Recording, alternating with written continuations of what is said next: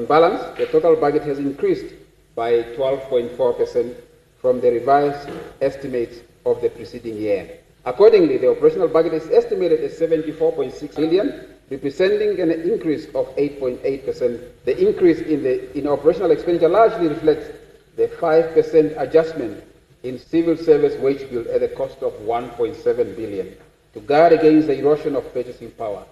Despite significant inflationary pressures over the past several years, civil servants have exercised extraordinary patience